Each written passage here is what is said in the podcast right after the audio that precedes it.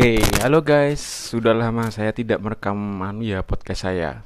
Selamat berjumpa kembali dan selamat uh, mendengarkan podcast Otak Serong Kanan. Oke. Uh, semoga kalian juga dalam keadaan sehat. Saya sehat juga. Kali ini cuma agak gatal-gatal dikit aja. Aku nggak tahu kenapa. Kayaknya alergi sih. Oke, anyway, untuk hari ini aku mau ngobrolin tentang itu Joker di Jepang. Menarik dulu tuh. Nah, saking menariknya aku harus cepet-cepet nuangin ideku ya apa yang ada di kepalaku untuk masuk ke podcast ini uh, kalau dalam bahasaku uh, apa yang terjadi di Jepang itu sebenarnya bisa dibahasakan sebagai kelitih orang Jepang gitu. Nah, ini fenomena menarik sebenarnya ketika aku mencoba membandingkan uh, masif shooting yang ada di Amerika Serikat dengan kelitih yang di Jogja, di mana korbannya semakin lama semakin random tapi ternyata uh, tapi kalau di Jogja itu apalagi di Indonesia ya masih masih uh, kulitnya tuh masih ada sisi politiknya sih. Dan tidak murni tidak murni dari orang itu sendiri kadang-kadang. Ya walaupun ada beberapa satu dua kasus yang justru tidak masuk ke media jadi truly mereka ke jalanan terus nyari orang dibacok terus udah gitu. Dan mereka nggak gak ngambil barang-barang berharga mereka gitu. Nah itu yang di di di Yogyakarta. Mak makanya mereka juga sering sebel kalau misalnya mereka sering disebut begal gitu. Ya karena memang beda gitu. Kalau begal itu kan memang orang bawa senjata tajam untuk ngincer uh, motor atau untuk barang berharga si korban. Tapi kalau kelitih itu memang tujuan mereka adalah melukai. Nah, kenapa mereka melukai? Banyak yang bercerita dari data-dataku boleh boleh diakses di Google cari aja Marino di repository Sanata Dharma aku pernah nulis tentang kelitih dan juga se ya tesisku tentang kelitih soalnya. Nah, apa yang menarik karena itu tadi mereka memang benar-benar ingin melihat orang lain menderita gitu loh jadi memang tujuan mereka adalah untuk melukai gitu. Jadi bukan bahkan mereka ngomong uh, mem, bukan membunuh sih. Membunuh bukan tujuan mereka tapi korbannya meninggal adalah efek samping dari kegiatan mereka begitu. Nah ini cukup menyeramkan sebenarnya. Karena ketika aku membaca bukunya Maya Steinkoller tentang eh, lone wolf lone wolf itu istilah yang dipakai Maya Steinkoller untuk me menyematkan ke peristiwa masif shooting oleh satu orang yang di mana satu orang ini tuh tidak punya afiliasi uh, organisasi teroris internasional. Semisal kayak ISIS terus ya ya pokoknya itulah yang banyak-banyak uh, atas nama Tuhan terus bom gitu loh. Nah itu nggak ada hubungannya sama itu. Makanya dia ngomong lone wolf jadi serigala yang benar-benar kesepian dan menyerang orang. Nah akhir-akhir ini ada yang ada kejadian di Jepang di mana satu orang itu cuma satu orang itu menyerang kalau nggak salah menusuk belasan orang di kereta terus membakar keretanya tapi walaupun tidak berhasil gitu dan dia memang tidak terafiliasi oleh organisasi teroris mana pun gitu. Jadi memang dia tujuannya memang untuk melukai dan dia berdandan seperti Joker.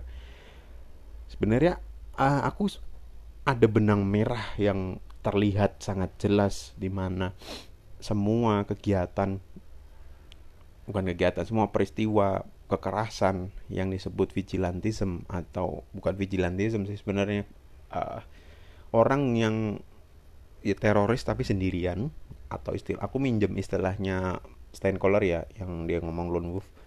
Nah lone wolf ini uh, di mana memang ada kegelisahan yang tidak dijawab oleh masyarakatnya gitu loh. Jadi muncul kegelisahan. Jadi intinya adalah aku mau ngomong orang-orang ini itu tidak mampu didengar oleh sekitarnya gitu loh. Nah ini adalah suatu kondisi di mana itu sering terjadi di Jepang di mana mereka punya budaya bekerja yang sangat keras ya kan? Sehingga mereka jatuh pada yang namanya individualism. Individualism it's okay menurutku ya kan karena kamu akan mind your own business, kamu punya sangat punya privasi.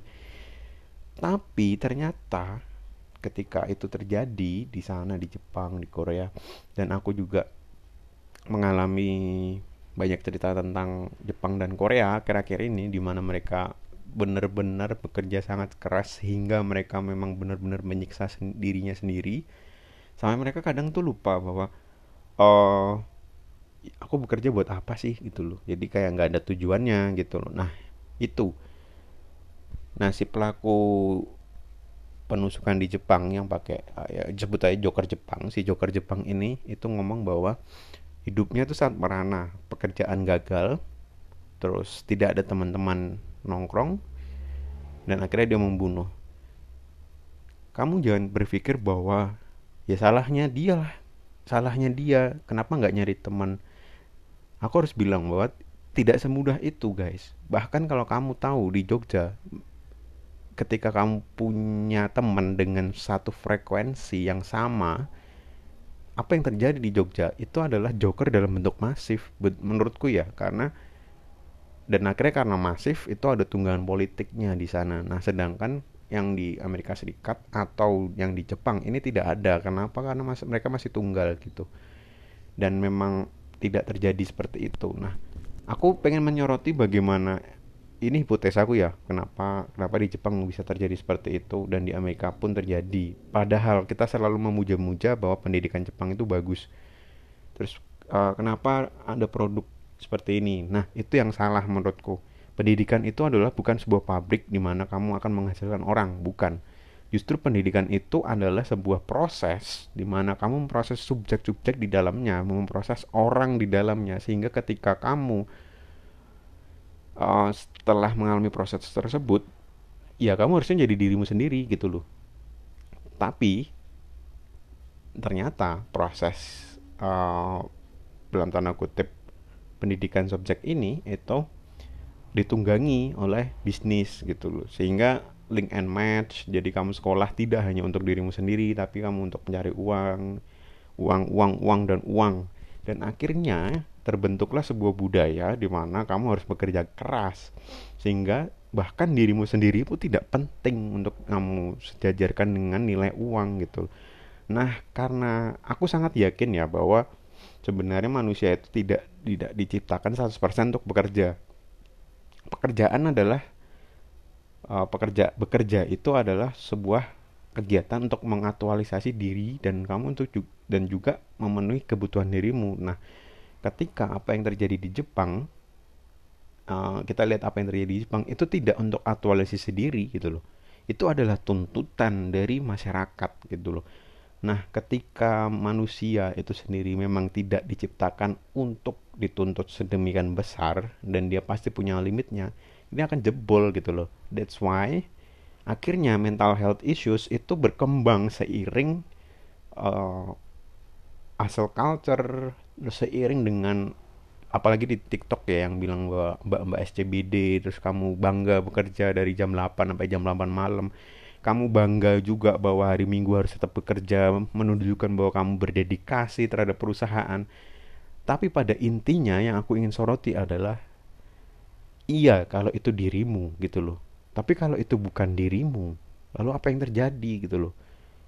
Yang terjadi adalah tekanan kan gitu loh. Yang terjadi adalah kamu merasa bahwa aku tidak terpahami. Nah perasaan tidak terpahami inilah yang dialami oleh mas-mas joker Jepang tadi mungkin dia sudah berusaha untuk konsultasi tapi karena tidak punya uang again aku bilang uh, masyarakat ekonomi itu tidak uh, mereka tetap butuh transaksional ekonomi dong gitu loh. Kalau aku membantumu kamu harus pakai uang gitu loh.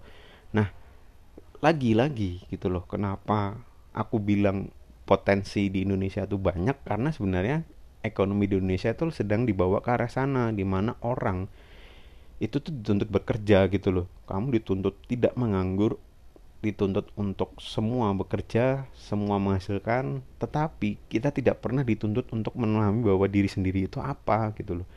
Kita tidak pernah diajarkan mengenai di sekolah ya khususnya ya uh, kamu oke okay, kadang-kadang kita bahkan untuk cita-cita itu diarahkan gitu loh kamu jadi ini aja kenapa karena hasil uh, ngasilin duit yang banyak gitu loh tapi kita nggak pernah di, di, diberitahu bahwa carilah pekerjaanmu yang membuatmu nyaman gitu loh membuatmu uh, merasa bahwa oke okay, ini diriku gitu loh. Membuatmu merasa bahwa kamu ketika bekerja seperti ini aku semakin mengenali diriku gitu loh. Itu intinya gitu loh. Ya walaupun memang dalam bekerja kadang-kadang kita teralienasi dalam artian seperti ini. Kita kadang-kadang merasa terasing dengan apa yang kita kerjakan gitu dan dan sering juga merasa bahwa kualitas kita mungkin tidak sebanding dengan gaji kita gitu loh. Entah itu lebih tinggi atau lebih rendah ya itu bisa terjadi gitu. Tapi lagi-lagi di penghujung hari ketika kamu bekerja dan lelah dan kamu tidak merasa bahwa apa yang kamu kerjakan itu worth it berharga gitu loh. That's it that's the point gitu loh. Kalau memang cuma hidup cuma menumpuk uang ya kan apa gunanya gitu loh. Karena pada akhirnya ketika kamu punya uang banyak belum tentu kamu bisa membagian diri sendiri oke aku bisa bilang ketika kamu punya uang kamu mungkin punya waktu untuk mengaktualisasikan diri. Tapi bagaimana kalau sebelum kamu mencari uang kamu bisa mengaktualisasikan diri dan kamu tetap bisa mencari uang gitu. That's my point gitu. Bangunlah ruang-ruang di mana kamu bisa mengaktualisasikan diri kamu bisa bercengkrama kamu bisa bebas dan jangan kasih 100% untuk pekerjaanmu karena aku yakin manusia itu tidak di diciptakan untuk jadi mesin pencetak uang gitu. Ada satu kutipan bagus dari Avicii, almarhum ya kan karena sudah meninggal. Dia bilang bahwa ketika aku mati, aku ingin dikenang sebagai orang yang menghidupi hidupku, bukan dari uh, uang yang aku hasilkan. It means bahwa ya ini benar gitu loh ketika ketika apa yang dilakukan Joker itu itu adalah sebuah gejala masyarakat yang lebih luas. Dalam artian begini dalam artian bahwa masyarakat uh, Jepang itu sudah sangat ketat budayanya. Dalam artian mereka tidak memungkinkan uh, adanya mobilitas sosial yang lebih lebih cepat lebih fleksibel gitu loh. Semua harus tetap tertata terstruktur ada jalannya dan sedangkan manusia lagi-lagi aku harus bilang manusia itu bukan man, bukan makhluk yang bisa terus-menerus seperti itu. Gitu. Aku selalu yakin bahwa manusia itu tidak diciptakan untuk hidup teratur. Kenapa? Karena memang seperti itu adanya. Karena dari ketika kamu lahir, ada yang oke okay, gini lah kalau misalnya manusia itu teratur semua itu 9 bulan 10 hari tapi itu kan rataan umum gitu ada yang prematur dan ada yang kelebihan but that's okay itu dia still still manusia gitu. Dia masih manusia gitu loh. Nah yang yang aku mau tekankan lagi di sini adalah kadang-kadang sistem ekonomi kapitalis itu menganggap bahwa manusia itu sama gitu loh. Mau bentuknya apa pun ya kamu harus seperti ini. Kalau nggak mau ya nggak usah. Nah ketatnya pemikiran seperti ini itu berimbas pada subjek-subjek atau pada orang-orang yang mungkin tidak tidak terwakili dengan dengan kondisi seperti ini karena tidak ada ruang lain, tidak ada ruang alternatif di sana gitu. Dan ketika subjek ini tidak menemukan ruang alternatif, it means dia harus bertahan hidup. Nah, maka dari itu dan aku sangat percaya bahwa manusia itu sangat agresif. Kenapa? Karena uh, di Lakong itu dia ngomongin bahwa manusia itu memang terlahir sebagai manusia sebagai makhluk yang agresif. Kenapa? Karena dari kecil pun anak kecil tidak sangat inosen gitu loh. Anak kecil itu punya rasa iri, punya rasa cemburu, punya rasa marah ketika dia diperlakukan beda dengan yang lain atau ketika dia uh, merasa bahwa aku tidak dicintai gitu loh. Aku pengen juga dong gitu loh. Nah, bayi itu se setidak inosen itu sebenarnya gitu loh karena ada penelitiannya gitu loh. Dan aku percaya ini Nah, ketika uh, semuanya ditekan, ditekan, ditekan, ditekan, maka yang keluar adalah survival mode-nya dia ini, yang paling bawah gitu loh, yang insting bertahan hidupnya dia. Apa? Membunuh gitu loh.